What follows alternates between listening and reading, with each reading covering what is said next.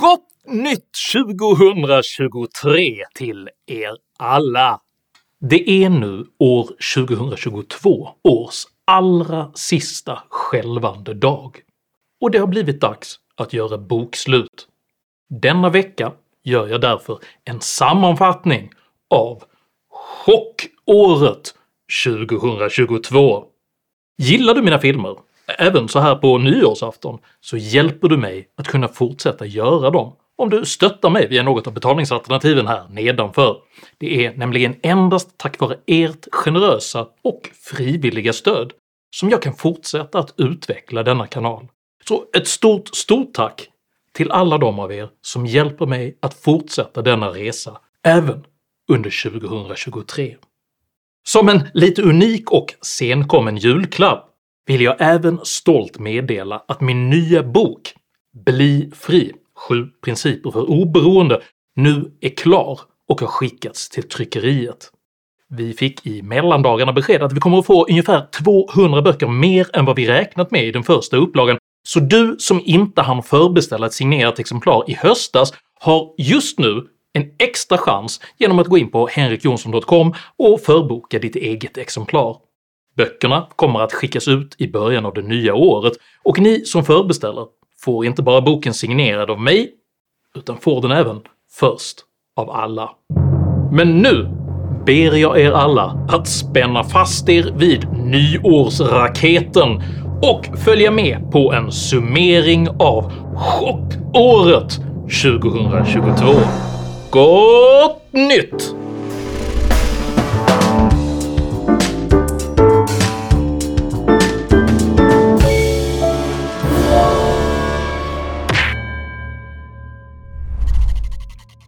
En trestegsraket är en raket som innehåller tre separata bränslesystem vilka utlöses sekventiellt för att accelerera raketen till dess slutliga hastighet och altitud. Begreppet trestegsraket används även ofta som en metafor för planer eller händelseförlopp vars utveckling drivs på i tre distinkta steg. På detta sätt kan Sveriges 2022 beskrivas som en trestegsraket av chocker, vilka sammantaget har drivit fram det nuvarande svenska kristillståndet.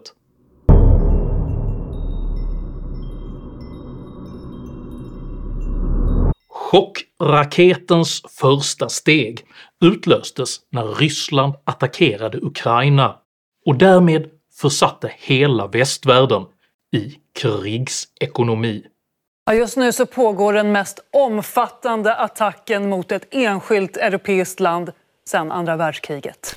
Krig råder i Europa, och i hela den fria världen sluter människor just nu upp för att stötta det demokratiska Ukraina i kampen mot Putin-regimens angreppskrig.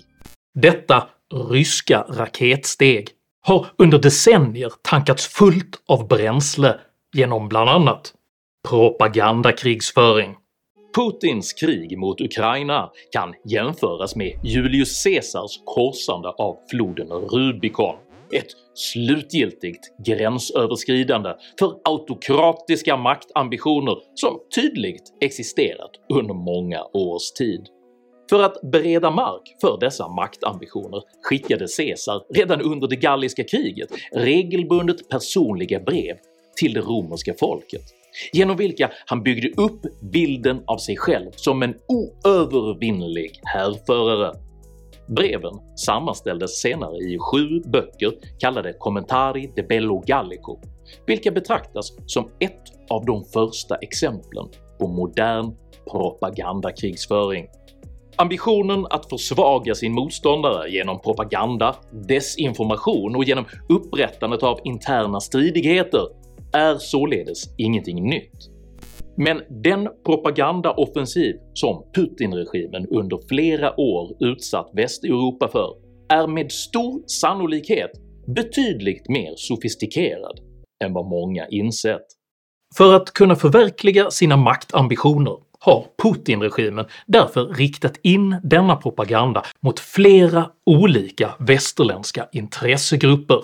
För precis som Caesars brev från Gallien riktar sig en verklig autokrats propaganda inte bara mot gapiga plebejer utan även mot de fåfänga patricierna. Om dessa båda grupper placeras in i Maslows behovstrappa hamnar de populistiska plebejerna huvudsakligen i de två undre skikt som gäller trygghet och fysiska behov. Politiskt sett uttrycker denna grupp missnöje med försämrade livsbetingelser i form av dyrare levnadskostnader och ett otryggare samhälle. De mer självbelåtna patricierna hamnar istället i behovstrappans översta två skikt, vilka gäller självkänsla och självförverkligande. Politiskt sett uttrycker denna grupp missnöje gällande sin egen och andras identitet, om moral och om sitt eget behov av att förändra världen. Sett i isolation är påverkansoperationer riktade mot dessa två grupper svåra att identifiera och förstå, men när de länkas samman framträder en tydligare bild. Den övre gruppen driver på för politik som faktiskt gör livet svårare för det undre skiktet, medan det undre skiktets skräniga missnöje skrämmer det övre till att bli mer auktoritärt i utövandet av sina moraliska övertygelser. Konsekvensen av detta blir att mellanskiktet, alltså samhällsgemenskapen, kollapsar till förmån för en polarisering som autokraten sedan kan utnyttja under parollen “söndra och härska”.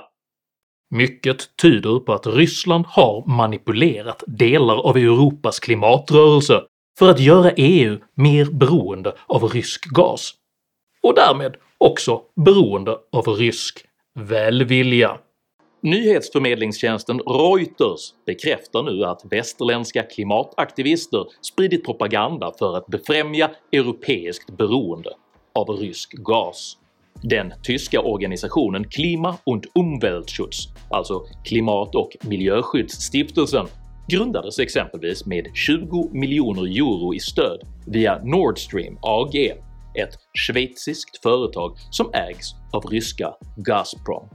Gazprom står även för verksamhetens löpande finansiering till en nota på 2 miljoner euro årligen.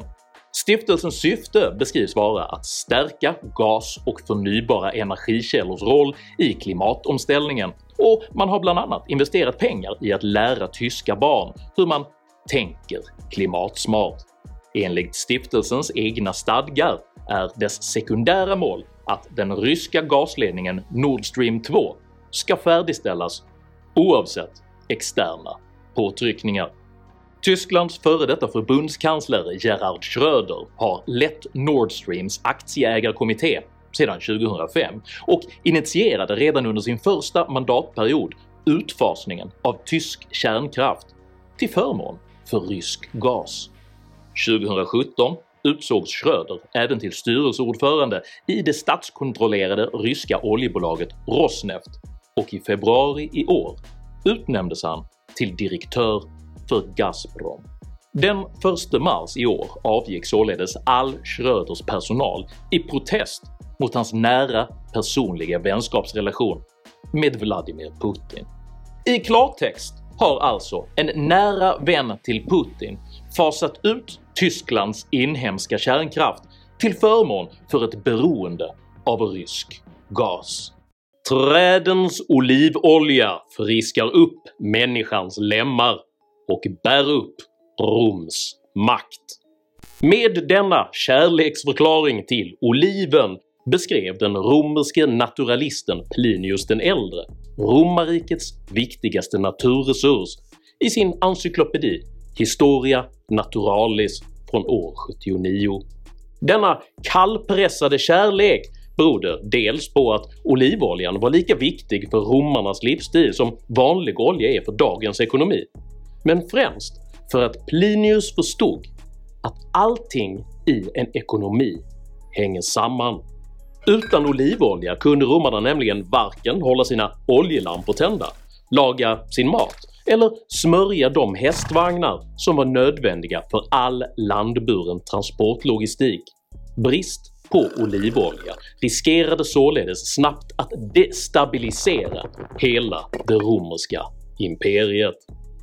Exakt samma förutsättningar gäller det moderna samhället, fast olivoljan idag är utbytt mot energi. De realekonomiska konsekvenserna av denna utveckling gick att skönja redan i mars i år, men är nu dagens verklighet. Utan tillgång till egen planerbar energi kan Europa inte heller expandera ur krisen genom utbyggnad av produktionsindustrin, utan riskerar istället att tvingas in i ett tillstånd av stagflation, vilket enkelt uttryckt betyder att både inflation och arbetslöshet stiger samtidigt. Denna situation innebär att människor alltså inte har jobb att gå till eftersom industrin inte har råd med energipriserna, och att konsumtionen faller samman eftersom medborgarna måste lägga allt mer av de pengar de ännu har kvar på mat och uppvärmning. De skenande energi och drivmedelspriserna bör således tjäna som en kanariefågel i gruvan. Situationen är nämligen på riktigt på väg att bli ohållbar för om de europeiska ekonomierna rasar samman i hyperinflation och massarbetslöshet riskerar det redan spända geopolitiska läget att brisera i form av militariserad konkurrens om livsnödvändiga resurser. Fönstret för att förhindra en ekonomisk, social och humanitär katastrof håller nu mycket snabbt på att stängas. Och det finns inte längre något utrymme för juvenil idealism. Titta bredare på ekonomin än bara BNP, utan titta också på miljö, hälsa, välmående i befolkningen. Botemedlet mot denna situation stavas energioberoende och slagkraftig vapenmakt.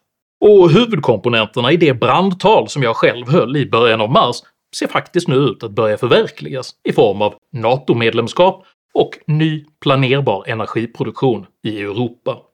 I ljuset av det allvarliga säkerhetsläget tänker jag nu tala helt personligt, subjektivt, klarspråk. Det råder krig i Europa. Det är därför mycket angeläget att alla inser att historien på inget sätt är slut och att Sverige, precis som resten av Europa, nu måste återta kommandot över sin egen framtid. För vi har inte tagit vårt ansvar. Medan vi fåfängligt tillät idealister avveckla både vår inhemska energiproduktion och vårt försvar tog Putin makten över både Europas energimarknad och över våra samhällen. För hela Europa står och faller med tillgången på energi och vapenmakt. Den gröna ideologins realpolitiska konsekvenser är således att betrakta som ett svek mot hela den västerländska civilisationen.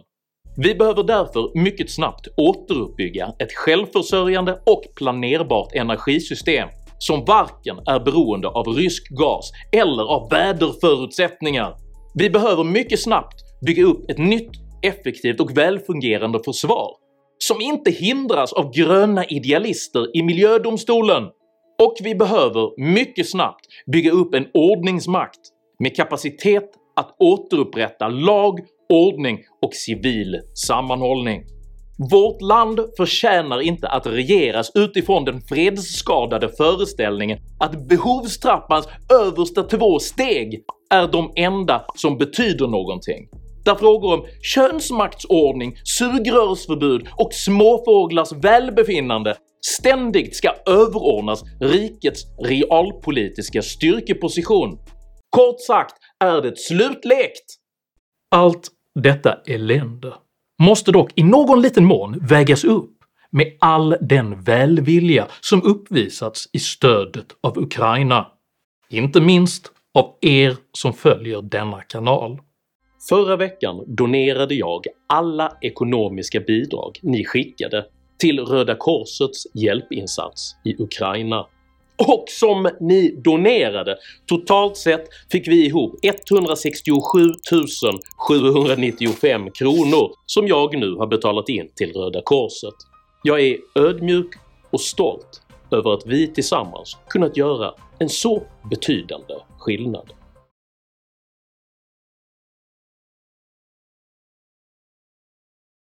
Putins krig i Ukraina utlöste sedan chockraketens andra steg, nämligen Sveriges självförvållade energikris. Energikrisen sätter just nu sina klor allt djupare i det svenska samhället. Hur illa kan det här egentligen bli för Sverige?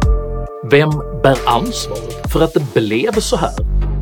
Och vad händer med ett samhälle om energifattigdom tillåts bre ut sig? Hur har då den ännu sittande vänsterregeringen hanterat denna kritiska situation? Har man med god framförhållning kommunicerat krisläget till berörda samhällssektorer för att kunna hjälpa hushåll och företag att överleva krisen? Nej, man låtsades in i det sista att Sverige inte alls stod inför någon effektbrist. Har man i god tid förberett en återstart av lokal planerbar energiproduktion? Nej, man har låtit den erkänt kontraproduktiva kraftvärmeskatten ligga kvar. Har den samlade vänstern tagit ansvar för att avvecklingsbesluten var ett misstag och inlett ett brett och pragmatiskt korrigeringsarbete? Nej, man skyller redan ifrån sig på den opposition som inte ens har tillträtt ännu. I Kristerssons Sverige står kärnkraften stilla och elen kan behöva stängas av. Trots att denna energikris utlöstes av Ukraina-kriget är de lokalt rekordhöga elpriserna i Sverige ett direkt resultat av den tidigare vänsterregeringens energipolitik. För att socialdemokraterna skulle kunna ta makten år 2014 var man tvungen att ta stöd av Miljöpartiet, vilket hade som krav att kärnreaktorer skulle läggas ner. Detta innebar en helomvändning för de tidigare relativt kärnkraftsvänliga Socialdemokraterna. Kärnkraften står för 50% av vår elproduktion och, och, det är väldigt mycket. Och att eh, tro att den kan försvinna utan att det får konsekvenser på endera utsläpp, att vi behöver använda mer CO2 eller att vi får elbrist, det, det är enligt vårt sätt att se lite blåögt. Att tro att vindkraften ska ersätta kärnkraften i sin helhet, det, det, det tror inte vi på. Det, det får sådana allvarliga konsekvenser. Den nya vänsterregeringen formulerade sig därför kompromissartat. Den nya regeringen kommer inte aktivt att stänga några kärnkraftsreaktorer, men högre avgifter och ökade säkerhetskrav kommer att leda till att kärnkraftverk stängs ändå. Vi ska säkerställa att det stängs kärnkraftsreaktorer under den här mandatperioden och det kommer också att bli så. Sveriges statliga energibolag Vattenfall delade dock inte Miljöpartiets önskan att stänga kärnreaktorer. Har Vattenfall några planer på att stänga några reaktorer den här mandatperioden? Ja, vi ser detta som naturligtvis att de kommer att köras i sin fulla ekonomiska livslängd och eh, vi har inga planer i den här mandatperioden att stänga reaktorer. Men Åsa Romson har en helt annan syn än Mats Ladeborn om det mesta när det gäller kärnkraft. Energifrågor är självklart en fråga för politiken. Vi måste planera för ett Sverige som har en energiproduktion och ett energisystem som är långsiktigt hållbart.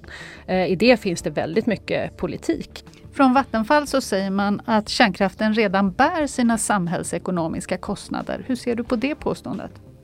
Ja, allting handlar ju om vilka saker man räknar in. Räknar man in eh, riskpremierna till exempel för eh, eventuella olyckor i framtiden, då finns det ingen kärnkraft på jorden som bär sina samhällsekonomiska kostnader. Det är inte sant helt enkelt? Nej, inte som jag räknar i alla fall. Detta ledde till att regeringen helt sonika bytte ut ledamöter i Vattenfalls styrelse mot kärnkraftsnegativa aktivister. Den nya regeringen med Socialdemokraterna och Miljöpartiet eh, bestämde att Vattenfall inte ska lägga massa pengar på ny kärnkraft utan de ska fokusera på att nå vårt mål om 100% förnybar energi. Som statligt bolag ska deras fokus vara att vara föregångare i omställningen. Men hur, hur har man gjort det liksom, genom lagstiftning eller genom liksom, sin styrelseplats i, mm, i Vattenfall? Genom eh, informell styrning mm. eh, som det kallas. Vad innebär det? Alltså... Mm. Det betyder att man säger till sitt statliga bolag vad man vill av dem. Mm. Eh, sen har ju också regeringen eh, bytt ut två personer i Vattenfalls styrelse där Thomas Kåberger, som jag vet har varit med här i podden, ja, är en av de nya. Mm. Eh, så att han, eh, han är ju nu en av de nya representanterna i styrelsen. Man ska ju förstås inte använda de, de statliga bolagen som eh, ett verktyg i liksom en ryckig politisk inriktning. Mm. Men, men den här regeringen sa ju att vi behöver komplettera kompetensen i den styrelsen med kompetens inom förnybar energi. Och det är väldigt viktigt och bra att man gjorde det. Utöver detta la man en riktad effektskatt just på kärnkraften med det direkta syftet att göra kärnkraftsenergin olönsam. Vattenfalls produktionschef Torbjörn Wahlborg kommenterade nedläggningsbeslutet med följande ord. Ja, beslutet var Vattenfalls, men jag kan också konstatera att hade vi inte haft effektskatten som vi hade 2015 så hade vi inte tagit det beslutet. När energiminister Farmanbar konfronteras med detta konstaterar han kort att han har en annan bild av verkligheten. Det är inte den bilden jag har av, av detta, men den bilden som jag har fått och som jag tror också väldigt många är överens om, det är just att det är ett kommersiellt beslut baserat på att det inte fanns lönsamhet i att uppgradera. Nej, det, man kan ha olika bild av verkligheten också. Regeringen och Miljöpartiet fortsätter sedan konsekvent att framställa kärnkraftsnedläggningarna som ett rent marknadsmässigt beslut utan politisk inblandning. Man ska också komma ihåg att de här kärnkraftverken som har lagts ner på senare tid, ingen av dem har ju lagts ner av politiska skäl. De har lagts ner av marknadsmässiga skäl för att de har varit olönsamma. Nedläggningarna av reaktorerna i södra Sverige får dock snabbt stora konsekvenser i form av enorma lokala prisökningar. Enligt den spotprisstatistik som jämför Malmö och Luleå ser man mycket tydligt att prisskillnaderna var relativt små fram till 2019 då Ringhals reaktor 2 stängde, vilket resulterade i en topp på över 1000% i prisskillnad. Detta följs av ännu en topp på 1621% i samband med stängningen av Ringhals reaktor 1 i december 2020. Den kalla vintern 2021 blir läget så akut och regeringen tvingas gå ut med ett akut krisstöd för hushåll i södra Sverige som drabbas av extremt höga elpriser. Regeringen kommer därför att avsätta drygt 6 miljarder kronor i stöd för att kompensera de hushåll som drabbats hårdast. Elpriskompensationen når över 1,8 miljoner hushåll Regeringen lägger nu hela ansvaret för att de svenska elpriserna sedan kärnkraftsnedläggningarna 2019 och 2020 har blivit allt högre på Vladimir Putin. Våra befolkningar kommer att påverkas av det här kriget med Putinpriser på el, Putinpriser på bensin och diesel, det blir Putinpriser på mat. Det finns en enda skillnad och det heter Putin. Detta håller inte elsystemsexperten Maja Lundbäck med om, som i Sveriges Radio förklarade Sveriges elprisutveckling på följande sätt. Man har lagt ner planerbar produktion i södra Sverige. Vi pratar inte bara kärnkraftsanläggningar utan det är även andra planerbara där vi har då på den här lokala nivån i form av eh, kraftvärmeverk och så vidare som idag bara gör fjärrvärme och inte el till exempel. Sen har man tillfört då en variabel produktion. Det här har ju varit någonting som systemet har signalerat under ganska lång tid men fram till 2020 så skedde det ju stegvis nedläggning av just den här planerbara produktionen då som jag har pratat om. Eh, och eh, till slut så blev det så pass mycket så att det börjar kännas.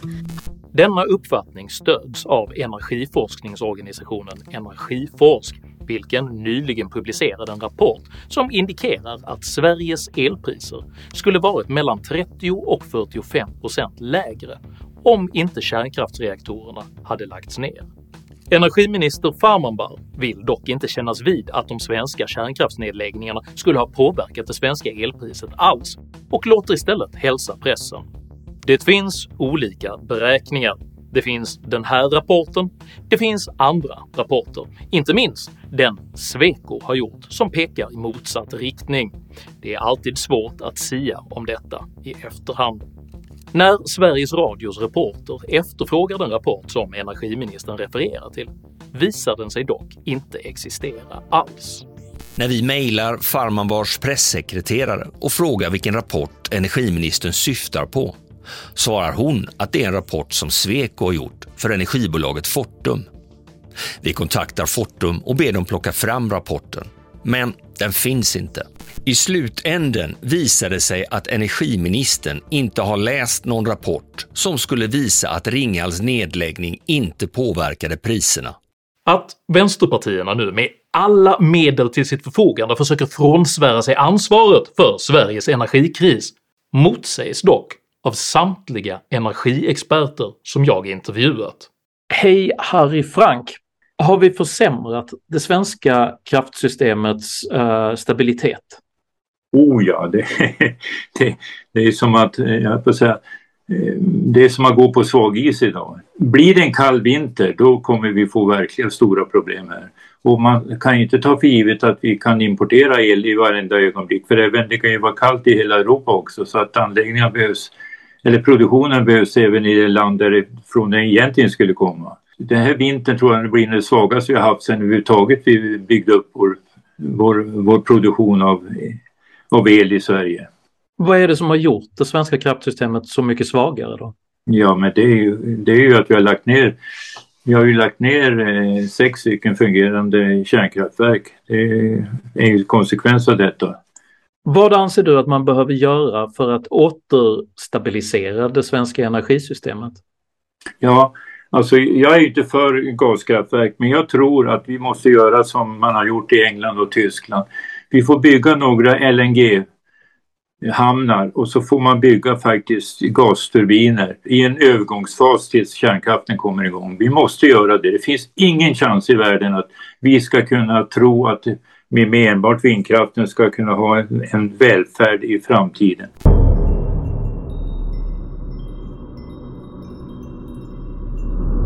Likt råttan på repet ledde i sin tur den svenska energikrisen till maktskifte. Det svenska riksdagsvalet 2022 präglas av akuta kriser. Det råder krig i Ukraina. Gangsters utkämpar eldstrider på Sveriges gator och den globala ekonomin är i fritt fall. Men över alla dessa kriser reser sig den internationella energikrisen som den europeiska civilisationens potentiella baneman. Varför är energi så viktigt? Vilka energipolitiska misstag har begåtts i Sverige? Och vad kommer att hända med Sverige om vi inte lyckas skapa ny planerbar energi? Det började som en skakning på nedre däck När Magdalena Andersson tillträder som statsminister under hösten 2021 har de varma sommarmånaderna tillfälligt stabiliserat energipriset igen. I sitt linjetal förkunnar den nytillsatta statsministern stolt att hon ämnar leda världen in i den gröna omställningen med elektrifierad fordonsflotta, koldioxidfri industri och förnyelsebar energiproduktion. Och det vi ser nu det är ju upptakten på en grön industriell revolution i Sverige. Det är koldioxidfri, koldioxidfri stålproduktion, batterifabriker, eldrivna tunga lastbilar. Exakt hur oplanerbar och förnyelsebar energi egentligen ska kunna leverera det fördubblade elbehov som denna omställning kräver har de flesta ännu lyckligt dimmiga föreställningar om och den hopplöst dyra och omoderna kärnkraften avfärdas av statsministern som ett skämt. Och självklart ska vi snabba på elektrifieringen. Men inte vid ny kärnkraft. Den är för dyr. Någon som är sugen på högre elpriser? Med detta i bagaget gav jag mig själv under sommaren ut för att möta högerns potentiella regeringsalternativ vilket faktiskt var överraskande gemytligt.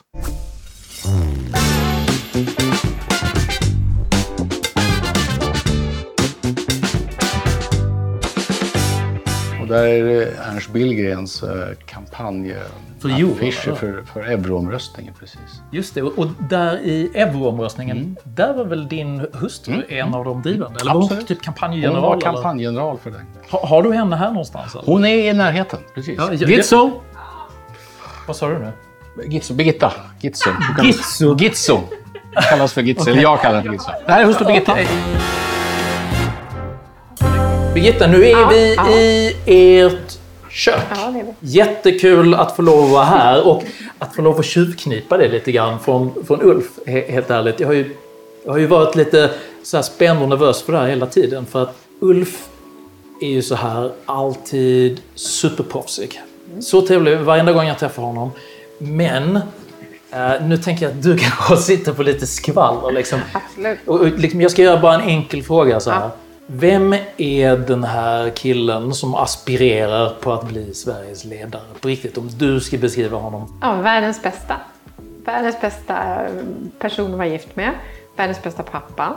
Men han, han är inte här, du Nej, kan men säga det- sanningen nu. Det är liksom, ja, jag vet ju inte, jag har ju inte testat alla. Jag vet, jag vet ju inte så. Självbilden var lite ruffig rockstad i Eskilstuna. Så kom det ständigt nya band. En del fick skivkontrakt, fina recensioner. Och sen så hände inget mer. Och sen kom Kent, Men Ulf, 95. är allvarligt talat, känner du att du själv smälter in i den här beskrivningen av lite, lite ruffig rockstil? alltså, nej. Nu eh, betraktar jag det som att eh, jag inte tänker överstanna min er gästfrihet och jag vet att ni väntar på att få kolla på fotboll. Så jag tänker alldeles strax tacka för mig själv. Men jag skulle vilja utbringa en skål. Skål! En skål för frihet, hopp och vår framtid. Frihet hoppa. Det är mycket bra. Skål! Skål. Vill du ha ett flygblad? Super! Vi har alltid lite i Scooby-Doo-bussen. Ifall det... Ja, ifall någon som... Ifall någon vill. Vilken genialisk parkering för övrigt. Det är så du bara slidat in.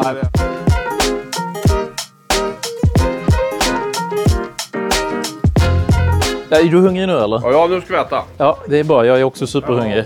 Hej, har du pizza? Ja. Ja, och eh, kebabrulle? Ja. Bra, tack. Eh, vilken pizza?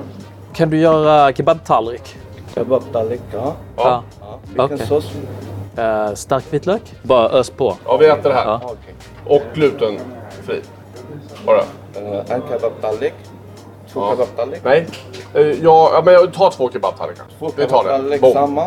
Ja, det är samma. Ja, eh, jag kan ta blandad sås. Mild och Ja, stark. Så, alltså ingen vitlök. En vitlök utan Det är bra så. Så, nej, nej, jag betalar. Ska du betala? Ja, men det, det är så. Alltså, Ja, vad härligt. Nej, men Men nu, du, då kan jag ta två faktiskt. Ja.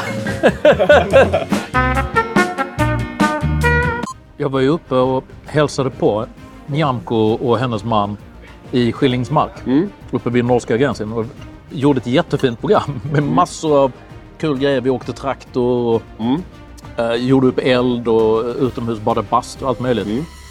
Tre dagar efter så avgick hon som partiledare. Var det vårt program som Det gjorde att programmet, hoppade av? Det var det. Det var ju några saker som hände där. Ja. och med de orden så gör vi den här lilla twisten för att vi brukar ju inte ha mamma med. Så att Margareta, om du kan vända dig till tittarna då kan du säga varför du tycker, om du tycker, tycker du att man ska rösta på din Tänk dig son? för nu. Och, och, och i så fall varför? Jag ska se om jag kan... Jag har samlat all kablage i kalsongerna. Jag tycker att man ska rösta på Liberalerna. Det är ett tryggt parti. Det är ett eh, mysigt parti. Det är, vi håller ihop. Och att man ska rösta på Johan. Jag är lite part i målet eftersom jag är mor, men han är rak. Han är ärlig. Och han är lång. Mycket lång är han. Han har fått bra mat. och han kommer att greja Liberalerna över spärren. Jag är helt övertygad om det. Och jag ska baka alla kakor jag kan. Jag har ett litet liberalt bageri, det lilla köket. Och förser alla flitiga Örebro-liberaler som är ute och torgar och kampanjar med hembakta kakor från Hagabyn. Där har vi en stark pitch och då, då har vi sålt in kakorna. Ja. Ja, den här eh, den, den skär verkligen in i fingrarna. Ja, det gör det. va. Det är jättehärligt att ha. Det, det kanske är en sammanfattning på så här, min opinionsbildningsgärning. Nå, någon nytta kanske jag gjorde ändå. Eh, Du skrev ju en, en bok då som heter Satis Polito. Och jag har försökt liksom lura ut vad tusan det betydde. Alltså. Men eh, har jag förstått rätt? Och det betyder typ att polished enough. Ja, men det var precis så det vi ville ha fram. Liksom. Att eh, jag är ti- tillräckligt polerad. helt enkelt. Tillräckligt polerad för vad? 2013 var vi ganska tidigt i liksom vårt, vår, vårt första, vår första mandatperiod i riksdagen och sådär. Ja. Vi betraktades ju lite som kusinen från landet. Det gör vi väl fortfarande av de allra fi- finaste. Så. Men eh, jag har alltid haft lite svårt att förlika mig med det här att man ska hälsa på kungen och vara i de fina salongerna. Det är liksom inte det jag har strävat efter när jag engagerar mig politiskt. Utan jag har gjort det här för att jag vill förbättra samhället. Och plötsligt så hamnar man i situationer där man inte är det minsta bekväm. och Så, eh, så det var det ena. Och det andra var väl... Eh, vi är inte så rädda för att sticka ut. Alltså Sverigedemokraterna är lite rock'n'roll. Vi ser problem komma och vi är inte rädda för att prata om det. Att vara polerad det är ju ett intressant begrepp. För du har, så här, du har sockar på omslaget. Och jag, jag, när jag såg det omslaget så tänkte jag så här att det här är precis som förra gången som jag intervjuade dig tillsammans med eh, Jan Emanuel. Så, så blev det också en jädra snackis om dina sockar. Alltså du är en smart kille. Alltså, du, ni vet ju vad ni gör. Alltså det där är ju en form av liksom humor eller trolling. Eller Ja? Easter egg är väl det begrepp vi själva använt emellanåt. Omslaget till den här boken som vi pratar om, Satis Polito, där, den Ja. är ju, det är ju det är ett Easter egg på riktigt. Det är, Med sockarna? Eller, alltså- ja, sockarna är ju en del. Min katt är med på omslaget. Ja. Dock eh, dit eh, redigerad för att hon, kunde, hon var så gammal så hon kunde inte få henne till fotograferingen. Men, Ah, okej. Men så hon är inplockad. Men hon är med. Det är en snusdosa med. Jag läser Sportbladet. Jag har i bakgrunden eh, både Per Albin och eh, Städa- liber- städa Liberalerna. bort. Ja. precis. Och jag sitter mitt emellan där och så. Det är väldigt genomtänkt. Alltså. Och det är Ja. väldigt många poänger som finns där om man tittar noga. Ska vi vända lite grann på Du, jag tror att eh, eller? du har inte fel där. Så jag tror att det kan vara en jättebra idé att göra det. Men jag vill bara komma tillbaka till en grej till angående det här med att vara liksom polished enough. Jag tycker att det är, det är, ett, så, det är ett så intressant begrepp när det gäller dig och ditt parti på något sätt. För att då tänker man sig, men polerad nog för att nu kan jag göra det jag vill. Liksom, förstår du? Att Man, man, man kan ju tolka det där på många olika sätt. Du ser bra ut med skägget. Du, du, du... Ja, det hade jag inte då. Det är Nej. nytt. Eller, sen dess det Mer polerad och med, med en, liksom, en maskulin konnotation. Men är du polerad nog nu? Men jag vet inte. Jag, jag, jag tror inte att vi har det perspektivet längre. Då hade vi det perspektivet. Idag tror jag att vi vi är ett stort parti idag. Det var vi inte då. Då hade vi så här 5-6 procent. Okej, så du menar det det egentligen betyder det är att polerad nog för att kunna eh, ha politiskt inflytande? Ja, men typ så. Ja, så skulle man kunna säga. Så är det ett 5% parti så kan man ju tycka spetsiga saker. Vill man vara ett statsbärande parti långsiktigt så det är klart att man måste ha spets och man måste tycka saker. Men man måste också balansera på ett annat sätt. Ja. Det är ju där vi... Den identitetskrisen vi har levt i nu egentligen sedan förra valet. Å ena sidan så är vi då Ja. det här gamla partiet som vågar säga obekväma saker eh, men ändå är tillräckligt polerade för att ta plats i riksdagen och sådär.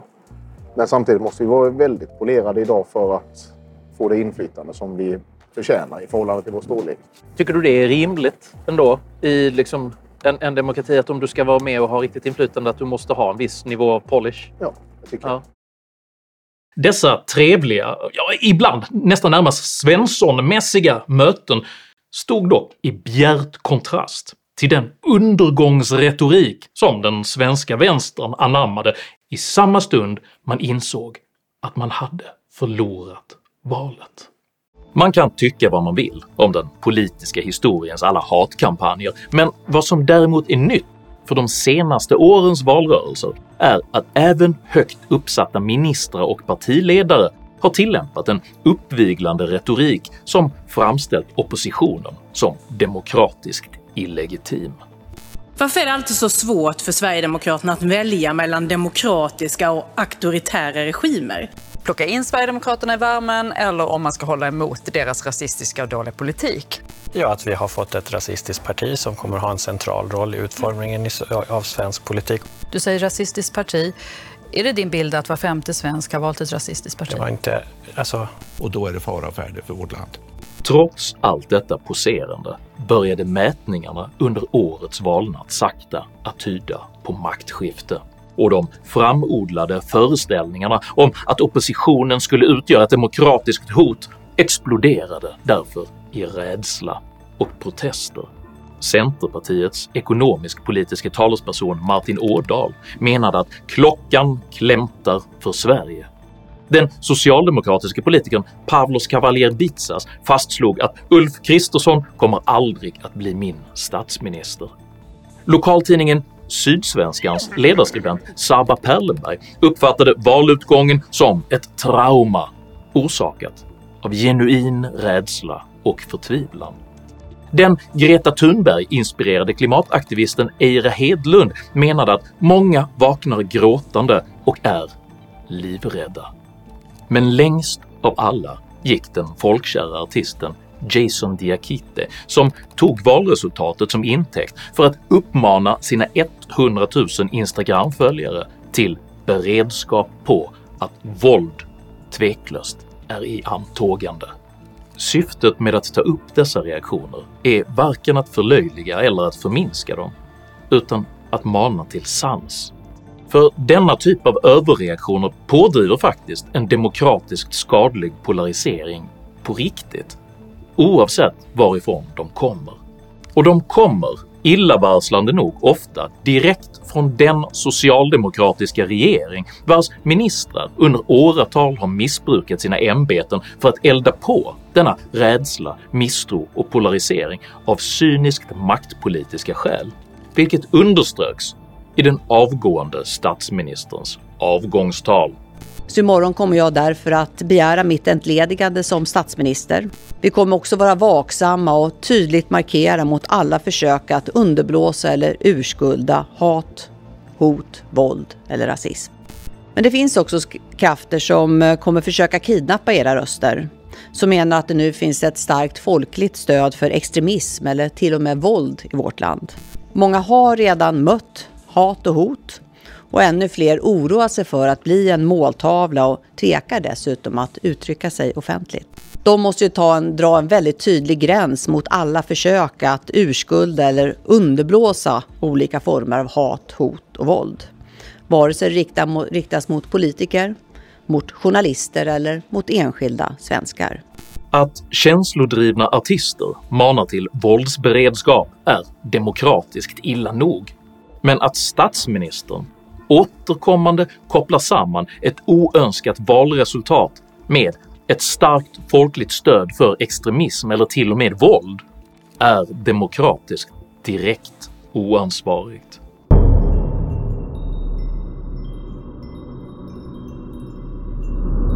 Och här lämnar oss de tre raketstegen i en högst oviss omloppsbana kring den största kris som Sverige sett på 100 år. Med en nytillträdd högerregering som i ärlighetens namn i nuläget verkar ha en högst diffus föreställning om hur man ska återfå markkontakten utan att brinna upp under återinträdet i verklighetens atmosfär. Men låt oss denna nyårsafton, trots alla kriser, osäkerheter och problem, ändå glädja oss åt ett obestridligt positivt faktum. Miljöpartiet har inte längre makt över Sverige! Med dessa ljuvliga ord vill jag tillönska alla er som tittar ett magnifikt nytt 2023. Vi ses med ny energi, med nya idéer och nytt hopp i det nya året. Skål och gott nytt år!